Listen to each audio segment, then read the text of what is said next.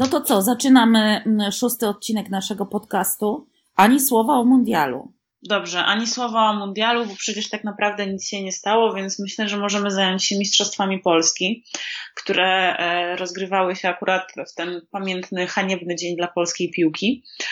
No właśnie. Michał Kwiatkowski bardzo ładną będzie miał koszulkę na pewno na Tour de France. Miejmy nadzieję. Podobnie jak Maciej Poddar, również na Tour de France. Czasówka w pięknej koszulce. Myślę, że to bardzo dobrze, bardzo dobrze się stało. Nawiasem mówiąc, w Giro Rosa będzie koszulka e, prezentowana przez zawodniczkę, czyli Małgorzatę Jasińską. Jeśli chodzi, natomiast jeśli chodzi o tę czasówkę panów, to ja się bardzo uśmiechnęłam, jak na podium zobaczyłam Marcina Białobłockiego, bo to jest fajna historia tego kolarza. Nie dość, że on parę lat temu też pojawił się, można powiedzieć, jak Filip Skonopi i też wygrał wtedy te Mistrzostwa Polski w jeździe indywidualnej na czas, to jak wiemy, ten ubiegły sezon nie był dla Marcina zbyt dobry. E, dużo się mówiło o tym przejściu do CCC z Prandi Polkowice, dużo się od niego oczekiwało. No, nie chcę powiedzieć, że nie sprostał tym oczekiwaniom, ale no nie miał tego sezonu zbyt udanego. Pod koniec sezonu wręcz nawet przebąkiwano, można było przeczytać w mediach takie artykuły, że on nawet może zakończyć karierę. I ja się bardzo cieszę, że on tej kariery nie zakończył i fajnie, że, ten, że to srebro zdobył. Na profilu Piotra Wadeckiego, który przedstawiał zawodników CCC startujących y, w Mistrzostwach Polski, odezwała się pani Helena Białobłocka, czyli żona Marcina. Żona. Tak, napisała, wysyłam do was Marcina po medal. Na co Piotr Wadecki, z klasą trzeba przyznać, odpisał, trzymamy kciuki również za Marcina. To dobrze, że z klasą odpowiedział, że tak z klasą odpowiedział. Tak, tak, bo wiadomo, że tam e, dobrze nie było, powiedzmy to sobie jasno, ale tak, znaczy zawodnik potrafi się przygotować na ten konkretny występ, on jest dla niego ważny.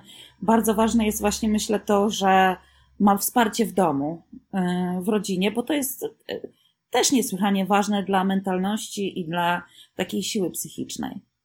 Też mi się wydaje, że Marcin Białobłocki jest takim kolarzem, to jest oczywiście tylko i wyłącznie moja interpretacja, więc mogę się mylić, ale że jest takim kolarzem, który nie lubi wokół siebie szumu medialnego. Że sobie spokojnie trenuje na tych wyspach, przygotowuje się pod konkretny cel, albo pod konkretny wyścig, bo przecież z tego co ja pamiętam, to on w tym roku chyba pobił rekord na 25 mil, o ile dobrze pamiętam.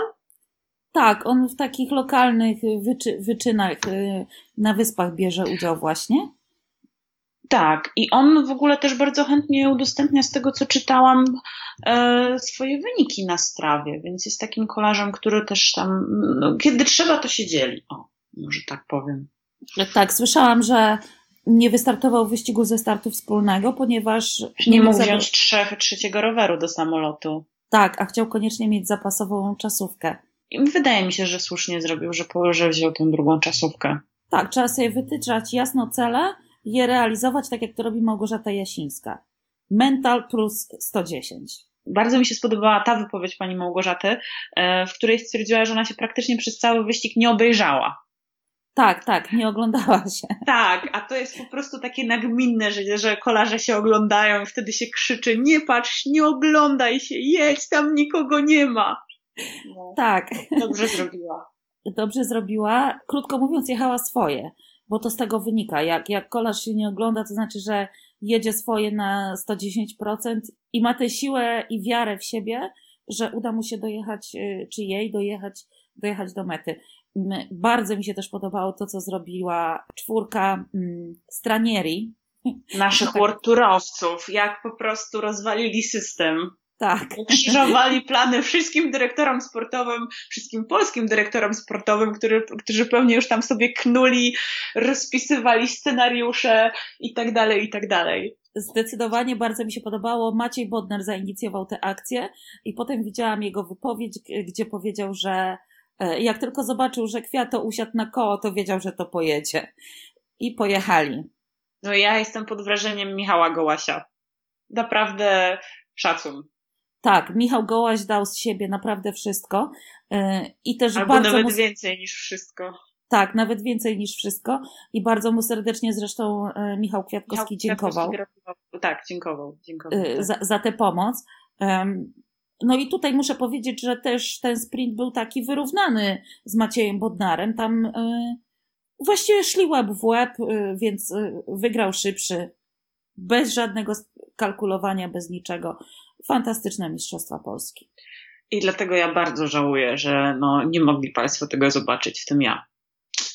No niestety, ja również tego Bardzo żałuję, bo no naprawdę fajny wyścig był rzeczywiście. I zazdraszczam tym, którzy byli na miejscu. Tak, ja też zazdroszczę tym, którzy byli na miejscu. Nawet napisałam na Twitterze, że gdyby nie y, Tour de Tour, czyli y, Adam Probosz i Tomasz Jaroński oraz y, dwa portale na szosie i rowery.org, to byśmy w ogóle nie wiedzieli, co tam się dzieje. To prawda, to prawda. Fajną robotę zrobili. Także Fajną. bardzo dziękujemy. Fajną robotę zrobili. Ja oglądałam y, Adama i y, Tomka w samochodzie, robili relacje live. Przejechałam z nimi wirtualnie dużą część trasy, więc to było bardzo fajne, choć wiadomo, że to są takie, takie trasy, gdzie może nie zawsze jest zasięg i chwilami się to rwało, ale zaraz wracali i to było super. A ja z kolei dzięki Szymonowi Koniecznemu, e, który jest tutaj wielkim fanem Bory Hansgrohe i on odpowiada za ten niesamowity doping chłopaków z Bory na wielkich turach i nie tylko na wielkich turach, e, dowiedziałam się, że można obejrzeć, że jest transmisja e, z mistrzostw Czech i Słowacji. I jako, że nie chcę tutaj powiedzieć, że moje serce bije dla Zdeńka Sztybara, ale generalnie jest to kolarz bliski memu sercu, może tak powiem, chociaż to też może źle zabrzmiało trochę. E, szanuję faceta, i tak sobie pomyślałam, że skoro nie ma transmisji Mistrzostw e, Polski, e, do meczu wiadomo jakiego było jeszcze trochę czasu, odpaliłam sobie te Mistrzostwa Czech i Słowacji. No i język naprawdę świetny, aż żałuję, że rzuciłam slawistykę, bo kiedyś zdarzyło mi się studiować slawistykę.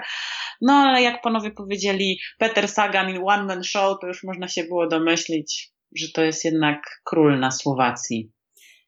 Tak, w tym roku, w tym roku nie wygrał Juraj, tak jak w poprzednim roku, bo Ale Chociaż- zajął drugie miejsce. zajął za, zaszczytne drugie miejsce. Natomiast Tak. e, e, Peter Sagan, przypuszczając, że nie wygra tęczowej koszulki w Innsbrucku, postanowił Właśnie to jeździć tak. w Słowackiej. Całkiem słusznie, no. To też mi się wydaje, że, y, że to nie jest zły objaw tego, jeśli tak można powiedzieć, że, że on się zdecydował przerzucić na tę koszulkę słowacką, bo parę, bo parę tygodni temu rozmawiałyśmy o, o szansach niektórych polskich kolarzy, jeśli chodzi o Innsbruck. Raczej tam Sagan nie ma czego szukać. Natomiast e, e, Wiemy, że Michał Kwiatkowski dobrze wygląda w tęczy. dobrze wygląda w tęczy, zdecydowanie. W tęczy jest w ogóle wszystkim do twarzy. A e, myślę, że tutaj i Saganowi Myślę, że i, Quintanie nie. i, i Kwiatkowskiemu y, wyjątkowo do twarzy. Natomiast y, As na Twitterze w jednym poście napisał, że y, mistrzostwa w swoich krajach wygrali Michał Kwiatkowski i Peter Sagan i doda- dołączyli do tego zdjęcie Kwiatkowskiego. O, to bardzo miło. E, A Józef Czerny, e, zawodnik CCC z Prandi Polkowice, bo jeszcze a propos, dlaczego ja oglądałam te Mistrzostwa Czech i Słowacji, no bo jakby tutaj liczyłam na Zdeńka Sztybara, którego niestety dorwali e, panowie i wygrał Czerny. I on zgarnął dublet w Czechach. ITT i start wspólny. No to bardzo, No, bardzo. Na CCC z Prandi Polkowice fajne. Tak, fajne. Też fajnie, że w CCC pojawiają się ci kolarze, którzy mogą się tam pokazać, a potem e, idą dalej tak jak... Idą do World Touru. Jan do Hirt na przykład, Wiktor Tak. de la Parte. Tam było paru takich panów rzeczywiście ostatnio. No i mówię, najbardziej się cieszę, że na Tour de France zobaczymy te dwie koszulki. Mm, Są jeszcze dwa Poczekaj, jeszcze nie, ma jeszcze nie ma składu Sky na Tour de France oficjalnego. Y, Prędzej spodziewałabym się nie wzięcia Fruma niż Kwiatkowskiego. Już zostaw tego biednego fruma, bo kopią go ze wszech stron, no. Nie, ale ja go wcale nie kopię, tylko tak przypuszczam. Y, Nawiasem mówiąc, jestem ciekawa, co na konferencji 4 lipca powie y, Braceford. Y, Przyszły już zaproszenia od Teamu Sky. Przyszły. Niestety nas tam nie będzie. No niestety, y, nie wybierzemy się do Francji. W Myślę, okolice La Bol zresztą. To myślę, że to pewnie będzie taka parafraza z słów e, naszego selekcjonera, że, że jesteśmy dobrze przygotowani w ofensywie i defensywie. I że przygotowanie mentalne też było na najwyższym poziomie. Znaczy tam wtedy on powie pewnie Dave Braceford, że jest na najwyższym poziomie. Ale do fakt trzeba przyznać, że mentalnie Coś Froome- tak czuje. Tak, mentalnie jest, e, jest dobry. już mi się nie chce tego powtarzać, bo mam ten sam problem co dyrektor Vuelty, czyli e, Javier Gulen. Bardzo chciałabym, e, żebyśmy nim wystartuje Vuelta 18, 2018, wiedzieli, kto wygrał tę przed rokiem. A czy ty też byłabyś za tym, żeby strajkować przeciwko Frumowi? Tak jak Bernard Ino? Nie, uważam, że to głupie. To głupi pomysł. No zresztą, no. Dla mnie fascynujące w kolarstwie jest to, że bardzo często są sytuacje, e, które można opisać starym polskim powiedzeniem. Przyganiał kocioł garnkowi, a sam smolił. W takim sensie, że cały czas w tym kolarstwie przywijają się osoby, które mają coś na sumieniu. I no, można powiedzieć, że też ma coś na sumieniu, tak? No bo on się nie poddał tej kontroli, odmówił kontroli antydopingowej, tak? Odmówił. Więc tak. To jest w ogóle śmieszne. E, to, co mówi Ino, no, co kolarze mieliby e, na, na pierwszym etapie powiedzieć, sorry, nie jedziemy. No, zdarzało się, że kolarze strajkowali, owszem. E, Ale to I również takie sytuacje. No tak, no, strajkowali na Tour de France przeciwko temu, że francuska policja przetrzepuje pokoje, szukając środków dopingowych, czyli tak zwana afera Festiny i siedli faktycznie wtedy na asfalcie, a powodurem tego był Marco Pantani, który też miał za uszami. Za uszami, oczywiście. Bywało, że kolarze strajkowali, e, nie pamiętam już na którym z tych wyścigów e, pustynnych, kiedy była, pustyn, e, kiedy była burza piaskowa i oni się po prostu schowali pod tunelem i powiedzieli, że nie wyjadą spod niego. No i tam wtedy faktycznie etap anulowano, jeszcze wtedy nie było tego protokołu pogodowego. No po prostu warunki zagrażały, no może nie życiu, ale zdrowiu zawodników. Bezpieczeństwo zapewne. Bezpieczeństwo, tak. Natomiast w takiej sytuacji, no to po pierwsze, kto miałby być prowodyrem tego strajku? Jak on miałby wyglądać? No, taki pomysł z kosmosu. Taki pomysł dobry na clickbait po prostu, no. Tak, taki, taki, y, i no tutaj to występuje się... w roli Jana Tomaszewskiego. O, właśnie tak krążymy, krążymy wokół tego, obchodzimy ten mecz tak, znaczy chodzimy wokół niego jak trochę tak wokół jakiejś takiej brzydkiej, śmierdzącej sprawy. No. To może o Quintanie powiemy. Bo ty czytałaś bardzo ciekawy wywiad z Quintaną. Czytałam bardzo ciekawy wywiad z Quintaną, e, który ukazał się w kolumbijskiej gazecie El Tiempo. No i powiem tak, e, Quintana nie wyglądał mi na zawodnika, który z taką swadą i w dowcipny sposób odpowiada na pytania, a jednak Dziennikarz jest bardzo dociekliwy, zadaje mnóstwo pytań o wyścigi. Między innymi pyta o ten słynny etap na Stelvio, mm, gdzie y, Quintana nie widział tej neutralizacji i Quintana dalej utrzymuje, że nie widział tej neutralizacji, że jakby była prawdziwa neutralizacja, to powinni ich po prostu zatrzymać. No, on wtedy nadrobił 4 minuty nad, y, między innymi nad grupą, w której był Majka, ale był przede wszystkim Rigoberto Uran, który był wówczas liderem y, Giro d'Italia. Czyli Mick Jagger. Mick Jagger, tak. No i. Przepraszam, i... bo cię wybiłam. Tak, ale dziennikarz też pyta, czy nie ma między nimi konfliktu, więc oczywiście Nairo Quintana mm, mówi, że absolutnie nie. Natomiast z innych źródeł wiemy, że jednak tak. I to nie tylko, i to nie tylko chodzi o słynny etap na Stelvio, ale również takie bardziej osobiste sprawy związane ze wspólnym mieszkaniem, bo kiedyś panowie mm, razem mieszkali. No, natomiast e, co? E, Bo jakby Nairo Quintana, z całym szacunkiem oczywiście do tego kolarza, ale to tak jak e, właśnie w ten niedzielny wieczór zretweetowałam jego wypowiedź, dodając z siebie taki komentarz tymczasem w pewnej kolumbijskiej wiosce, bo on mi naprawdę kojarzy się z takim Kolumbijczykiem, z takim stereotypowym Kolumbijczykiem. I jak widzę po prostu Quintanę, to widzę go w takim tradycyjnym stroju, na pewno nie w takim garniturze. Chciałabym tutaj dodać, że warto wejść na stronę El Tiempo, chociażby po to, żeby zobaczyć tę sesję, bo ona jest naprawdę niesamowita, jest warta zobaczenia. I bardzo rzadko też kolarzy pokazuje się właśnie w takich, właśnie w takiej odsłonie, bo Nairo Quintana jest tam w garniturze i wygląda tak. naprawdę bardzo dobrze. Tak, wygląda, y, wygląda dobrze. Y, jest z nim owieczka, wokół są piękne zielone. Tak, tą y, owieczką to góry. mnie kupił, bo ja kocham owieczki oczywiście. Tak, natomiast naprawdę wywiad jest bardzo, bardzo długi, a jeszcze z takich ciekawszych rzeczy, Nairo Quintana został poproszony o to, żeby scharakteryzować Fruma i mówi, że to jest bardzo inteligentny kolarz. No i potem dziennikarz zadaje dociekliwe pytanie, a jak scharakteryzowałbyś Nairo Quintanę? Na co Nairo Quintana mówi bardzo ciekawą rzecz, że jest kolarzem o bardzo silnej mm, mentalności i że ta jego mentalność jest czasami silniejsza niż jego ciało, że zdarzają się takie chwile że ta mentalność jest silniejsza niż ciało. To jest bardzo, bardzo ciekawe.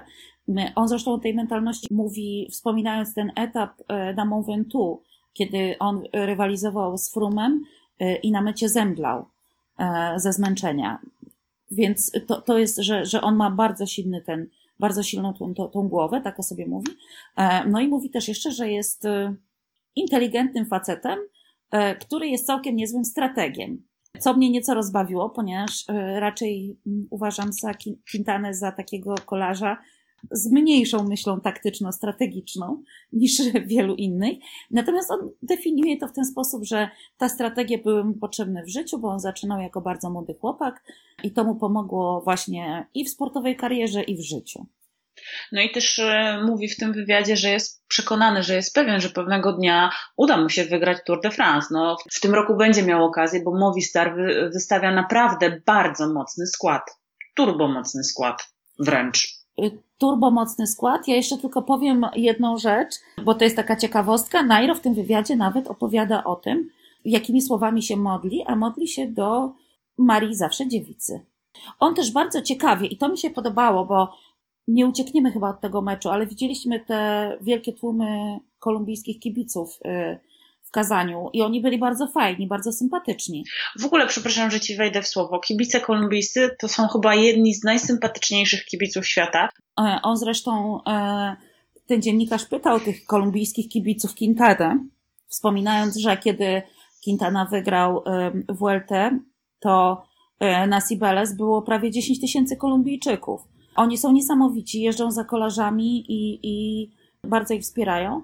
I on tam mówi, że dla Kolumbijczyków y, wspieranie sportowców, czy w ogóle dopingowanie y, swoich sportowców to jest coś więcej niż y, duma, że to jest po prostu miłość i to jest miłość patriotyczna. Mówi o tym, że to jest też duma tych, którzy przez lata z powodów rasy byli poniżani i maltretowani więc oni się czują dzięki temu docenieni i, i czują się po prostu silni i mówi, że my jesteśmy Kolumbią, tak mówi Quintana, więc to, to świadczy o tym, jak oni są bardzo tak właśnie zaangażowani. E, nawiasem mówiąc, e, chociażby na Tour de France w Düsseldorfie też było sporo kolumbijskich kibiców. Tak, byli też fantastyczni, stali przy wozie, przy busie Quintany i, i bardzo mocno go tam wspierali. No i nie tylko oni w Düsseldorfie byli fantastyczni, bo ja pamiętam, jak pojechałam na e, swoją pierwszą Vueltę, w zasadzie na swój pierwszy, ostatni etap Vuelty. To było w 2016 roku, kiedy e, Vueltę wygrał właśnie Quintana, a na trzecim miejscu był Chavez, a między nimi był twój ulubiony kolarz, którego imienia nie wolno wymawiać. To Madryt wręcz opanowali ci kolumbijscy kibice, którzy byli fenomenalni. Po prostu no, doping e, rewelacyjny tyle uśmiechu, radości, pozytywnej energii. No ja dawno nie widziałam takiego kibicowania. No myślę, że e, znowu się e, kibice kolumbijscy będą mieli okazję pojawić, tym razem w Paryżu, ponieważ, no co tu dużo mówić, na, na Tour de France nadciąga wspaniała hiszpańsko-kolumbijska armada. tylko, że mi się wydaje, że jeden, oni mają tylko jeden maleńki problem, że tam naprawdę jest dużo takich silnych osobowości, że dużo jest y, kolarzy, którzy mogą mieć takie zapędy na bycie liderem. I teraz tutaj pytanie do eksperta, czyli do ciebie. Y, jak ty to widzisz? Zwykle zawsze warto oczywiście mieć backup w postaci drugiego kolarza, który może wskoczyć na miejsce e, tego, który się na przykład wykrzaczy, e, gdzie będzie jakaś kraksa, chory i tak dalej. No ale jednak Movistar to chyba trochę przesadził. Trudno mi powiedzieć.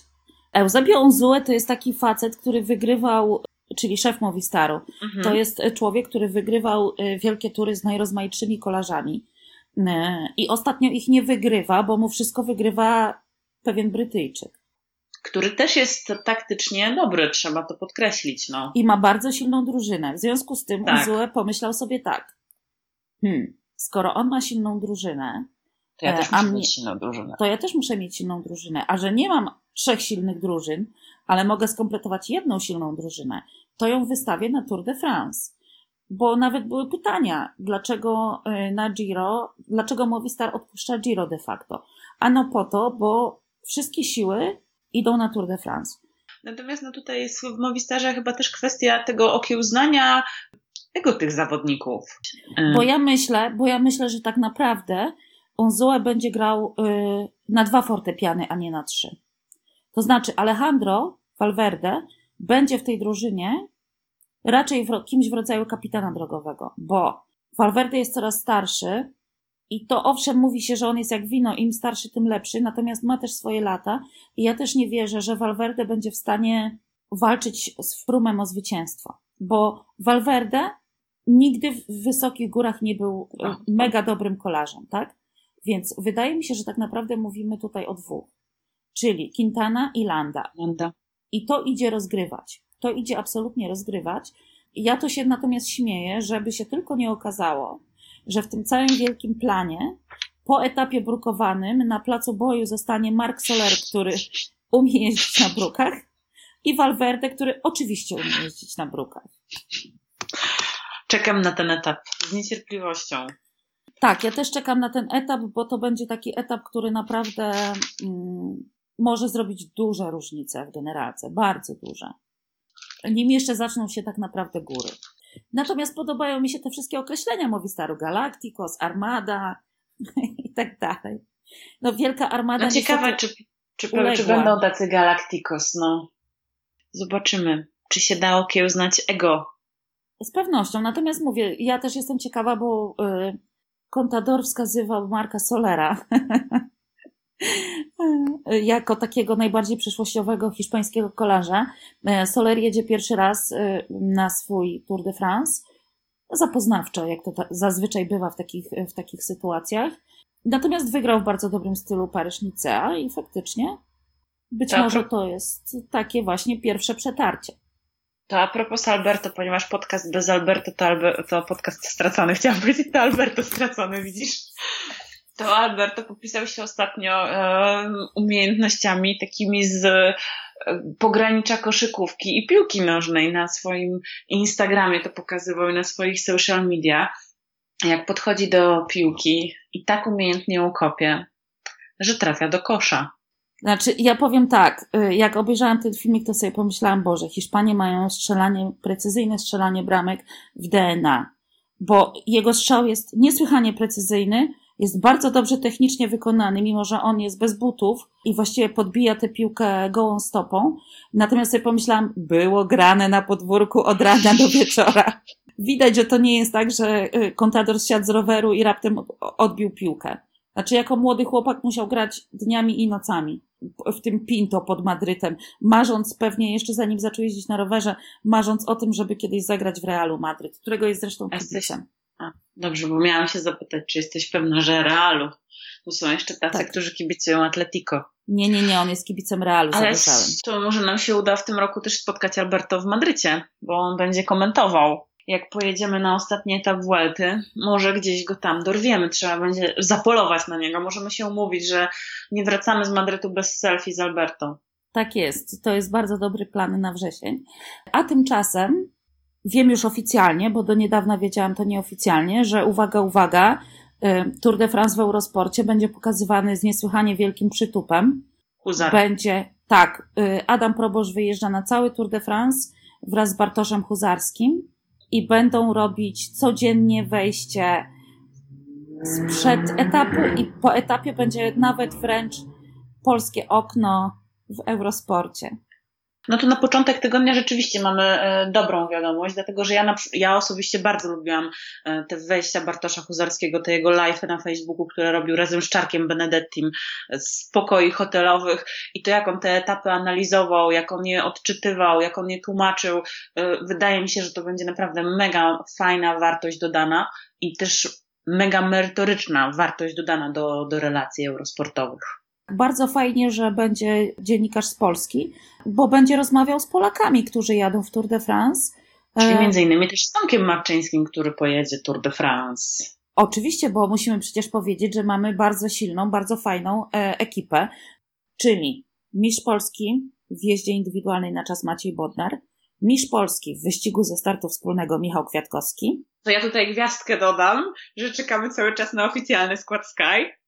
Rafał Majka, czyli y, dwukrotny najlepszy góral tej imprezy, zwycięzca trzech etapów, Paweł Poliański, dla którego to jest drugi Tour de France w karierze, i Tomasz Marczyński, który, uwaga, uwaga, jest najstarszy z nich i debiutuje. I to jest piękna historia pokazująca, że nigdy nie należy y, tracić y, nadziei i marzeń. Przecież Tomasz Ma- Ma- Że Marczyński... zawsze musi być ten pierwszy raz. Tak, ale Tomasz Marczyński przecież y, właściwie wszyscy już na niego spisali go na straty, kiedy on... Tak, e, wtedy kiedy przeszedł do Turku, do tej tureckiej ekipy, prawda? Gdzie on tak, Tak. Mówiono, się, mówiono, że zrobił krok wstecz, a ten krok wstecz był bardzo, bardzo, bardzo mu potrzebny. Tak, czasem warto zrobić krok wstecz, żeby zrobić dwa kroki do przodu. I tak właśnie zrobił Tomasz Marczyński i to jest piękne. E, Zwycięzca dwóch etapów e, na. Vuelcie. Debiutuje, debiutuje w Tour de France w wieku e, 30 paru lat. Piękna historia. I oby był to debiut bardzo udany. Też trzymam na, za niego kciuki i, i na to liczę, ponieważ e, Lotto Sudal e, będzie jechać raczej właśnie po etapy, jak to Lotto Sudal. No i niestety Lotto Sudal bez Adama Hansena, ale ty go nie lubiłaś. Nie, ja, ja jak to nie No. lubiłam Hansena? No Ja bardzo lubię ja się Hansena. śmieję. Ja się śmieję po prostu. Natomiast bardzo się cieszę, że zakończył ten swój durny challenge Tak. i zajmie się ściganiem. Prawdziwym. Na Tour de Pologne. Na Tour de Pologne, podobnie jak Fabio Aru, który ponoć na Tour de Pologne ma zbudować się, e, więc skoro Chris Froome się zbudował na Tour de Pologne w 2011 roku, to tego życzymy i Ależ Aru. jesteś. Ależ jesteś. To tak Y- y, rozumiem, że to tak, że ta uszczypliwość tak y, po tej niedzieli cały czas jeszcze tak emocje Nie. nie opadły. trzeba komuś, trzeba kogoś tam ukąsić. Ale twoim zdaniem ukąsiłam kogo? Tour de Pologne czy zawodnika? Nie no, ukąsiłaś oczywiście Chrisa Fruma, no. No bo to jest najlepsze przygotowanie do Vuelty, powiedzmy sobie jasno. Jeżeli zawodnik nie jedzie Tour de France, a szykuje się na Vueltę, no to po, musi pojechać, ma do wyboru Tour de Pologne i Eneco, lepiej wybrać Tour de Pologne. No raczej. Kto by nie chciał podjechać pod gliczarów? No właśnie. No. Nie, lepsze przetarcie nogi. Natomiast y, była taka, y, było takie Eneco w 2012 roku, w którym przygotowywał się do Vuelty Alberto Contador. Tadam, tadam, tadam. Po no, swoim- Alberto, musimy zrobić dżingiel po prostu. Tak. On po prostu wystartował w Eneco, dlatego że wracał po dyskwalifikacji. I to był jedyny wyścig, w którym on mógł wystartować, bo jemu się tam któregoś lipca kończył, e, kończyła dyskwalifikacja. I pamiętam, że nigdy Eneco nie było tak e, komentowane, oglądane i tak dalej, bo wszyscy patrzyli, w jakiej on formie wróci po dyskwalifikacji. To było bardzo zabawne. Ale wracając do Tour de France, bo już naprawdę niewiele czasu zostało e, do. Kurczę, no, do pierwszego gwizdka, aż chcę, chcę powiedzieć. Widzisz, cały czas mówiłyśmy, że nie mówimy nic o kopanej, a cały czas ta kopana za nami chodzi. E, do pierwszego etapu, do rozpoczęcia Tour de France zostało już niewiele czasu i rzeczywiście e, my będziemy mieć bardzo ciekawą reprezentację naszych polskich kolarzy, ale ten czas przed Tour de France, czyli to ogłoszenie składów, to nie tylko łzy szczęścia, ale też e, łzy smutku i rozpaczy. Caleb Iwan jest wręcz zdewastowany, bo jego e, w składzie Mitchelton Scott na Tour de France tegorocznym nie będzie. Bardzo mi było przykro to zobaczyć, bo naprawdę ten jego tweet był taki straszliwie emocjonalny. Bardzo emocjonalny, bardzo. Myślę, że naprawdę poczuł się mocno zawiedziony, zwłaszcza, że no chyba dojrzał do tego, żeby w końcu spróbować y, powalczyć z tymi największymi na, na Tour de France, bo będzie i Kittel, i Gaviria, i Demare, więc y, i oczywiście Peter Sagan. Szkoda, że zabraknie właśnie y, Australijczyka, bo, bo też byłabym ciekawa, jak on by wypadał w tych sprintach. Czy właśnie dojrzał do tego, żeby, żeby zwyciężać y, na takiej wielkiej imprezie. Ale może przynajmniej część swoich oczekiwań przeniesiesz na Gawirię, e, bo sama powiedziałaś, że on między innymi będzie startował. E, To będzie jego pierwszy Tour de France, bo on w ubiegłym roku wygrał parę etapów na Giro. No i pytanie, czy on przede wszystkim tak mentalnie da radę, E, czy poradzi sobie po prostu na tym, na Tour de France? No ma też takich kolegów, którzy będą go po, potrafili będą poprowadzić. Go bardzo dobrze rozprowadzać i to jest jego przewaga chociażby nad Kitelem. Pytanie, czy będzie potrafił tę przewagę wykorzystać, bo pamiętaj, że na Tour de Suisse, on w tym, w tym roku wygrał trzy etapy na Tour of California, ale z kolei ten Tour de Suisse miał taki, że on, że on trzy razy był drugi. I raz nawet, y, to też taka emocjonalna była jego reakcja, że raz nawet był po prostu też, tak jak Caleb Iwan był devastated, że, że nie jedzie na Tour de France, no to on był devastated, że za wcześnie zaczął sprint. No ale też może dobrze, że nie był za wcześnie w, w, takiej wysokiej formie, bo to jednak od tego Tour de Suisse, to znowu do tego Tour de France się ten okres... Trochę czasu jest. Trochę czasu jest, tak. Nawiasem mówiąc, y, widziałam, że Rafał Majka i, i Paweł Poliański cały czas siedzą w Sierra Nevada i jeszcze cały czas obóz y, wysokogórski. Kwiato też pojechał teraz. Miał jechać właśnie w poniedziałek. Miał wylecieć w Alpy. No właśnie, no wszyscy siedzą jeszcze w górach, bo to jeszcze dwa tygodnie. Czekamy na Gavirię, żeby odpalił. A jak tak już jesteśmy przy składach i przy, przy Tour de France, mówiłyśmy o tym, że Movistar ma taką wspaniałą, wielką hiszpańską, hiszpańsko-kolumbijską armadę na góry. A jak oceniasz skład Bora Hansgrohe w tym kontekście? Ja myślę, że bardziej jednak stawiają na Petera Sagana. Świetnych górali to tutaj za dużo, za wielu nie ma. No właśnie.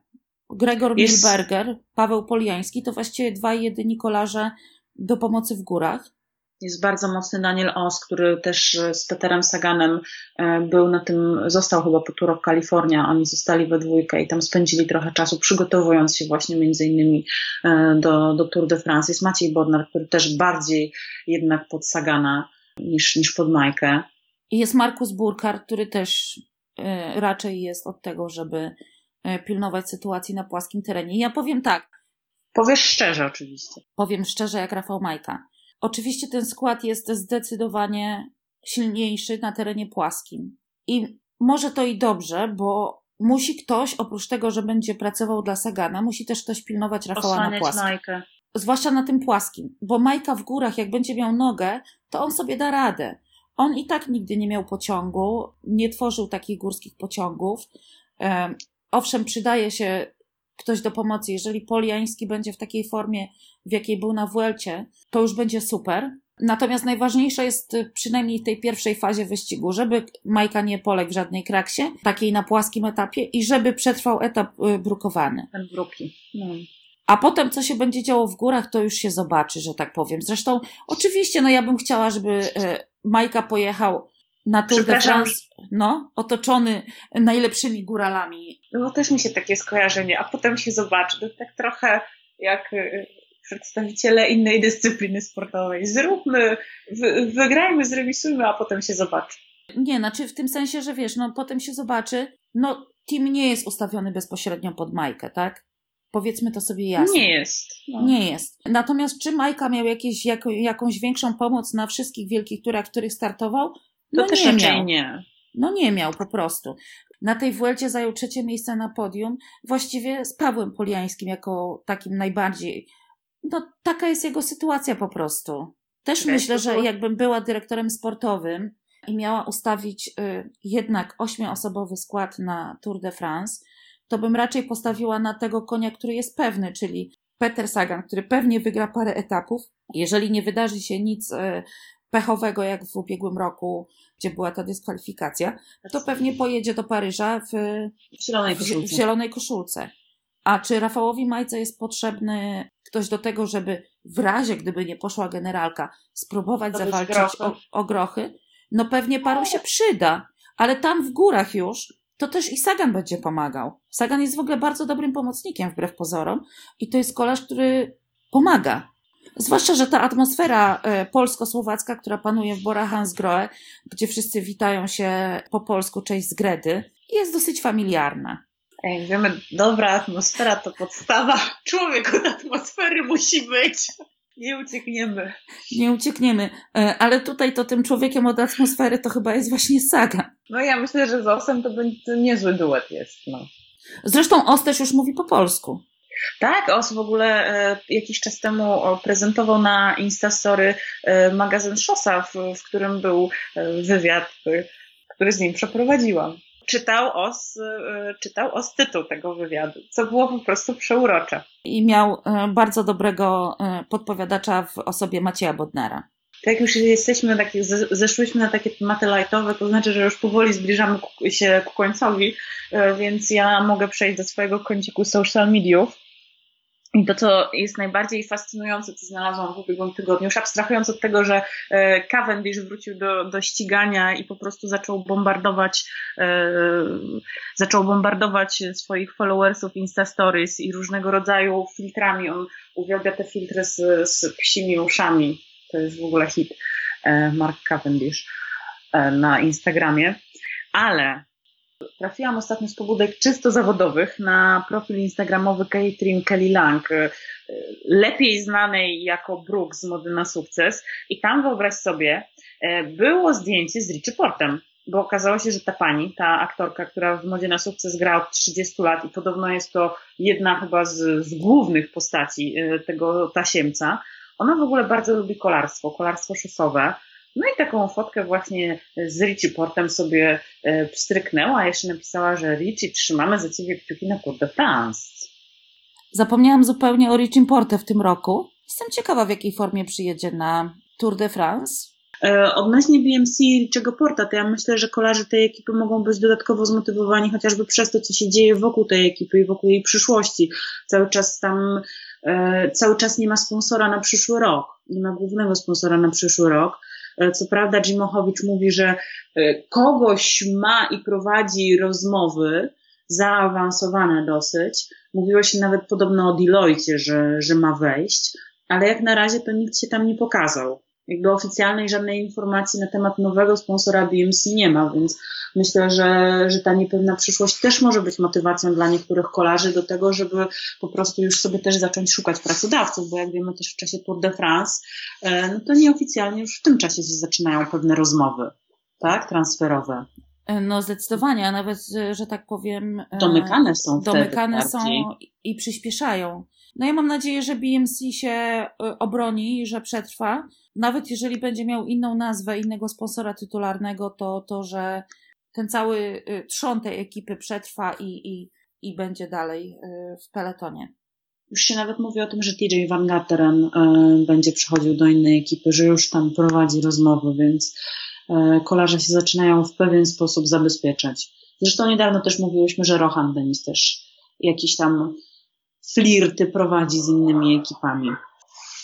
No dobrze, to tym wątkiem chyba Tour de France y, y, możemy spróbować zakończyć i zaprosić na kolejny podcast, a ponieważ następny podcast będzie jakoś na tydzień przed rozpoczęciem Tour de France, to zrobimy go o ciekawostkach związanych z wyścigiem. Będzie dużo historii, różnych historii, nie tylko takich typowo statystycznych o etapach, ale może opowiemy też o tym, skąd się wzięła ta żółta koszulka. I polecamy wszystkim książkę Richarda Mura, Etapy, które przeszły do historii. Taka żółta okładka. Ona się chyba ukaże 4 lipca. Ale można ją już zamawiać. Ja sobie zamówiłam przez stronę rowery.org. Tam było takie odniesienie do jednej z księgarni i ta książka do mnie już przyszła. Także ja do... będę się dokształcać. O, czyli można ją już przeczytać wcześniej. Super. Udało nam się chyba też w sumie. Czy ja mogę powiedzieć na koniec? że nic no. się nie stało. Już dotrwałyśmy do końca podcastu. Nie wspominając o tej haniebnej, nawet rozmawiając o Quintanie, nie wspominając o tej haniebnej porażce. Nawet mówiąc o jego gratuluję, w którym gratulował drużynie kolumbijskiej i nie wspominając o tym, że nasi dostali manto, to chyba można zakończyć, że nic się nie stało. Stało się. Stało się. Pierwszy mundial, który pamiętam w życiu, to był mundial w 1982 roku i czekam 36 lat, żeby przeżyć coś podobnego. Stało się. Dobrze, to ponieważ ty masz troszeczkę inny stosunek do tego niż ja, to myślę, że jest początek tygodnia. Nastrójmy się pozytywnie przed meczem o honor. Tak, ale oczywiście jest to tylko sport, nawet jeżeli przegramy z Japonią, a prawdopodobnie tak będzie. To no zawsze można pójść na sushi. No to to jest tylko sport i wygrywa lepszy. Na Tour de France Oby też wygrał lepszy. Złowieszczy śmiech.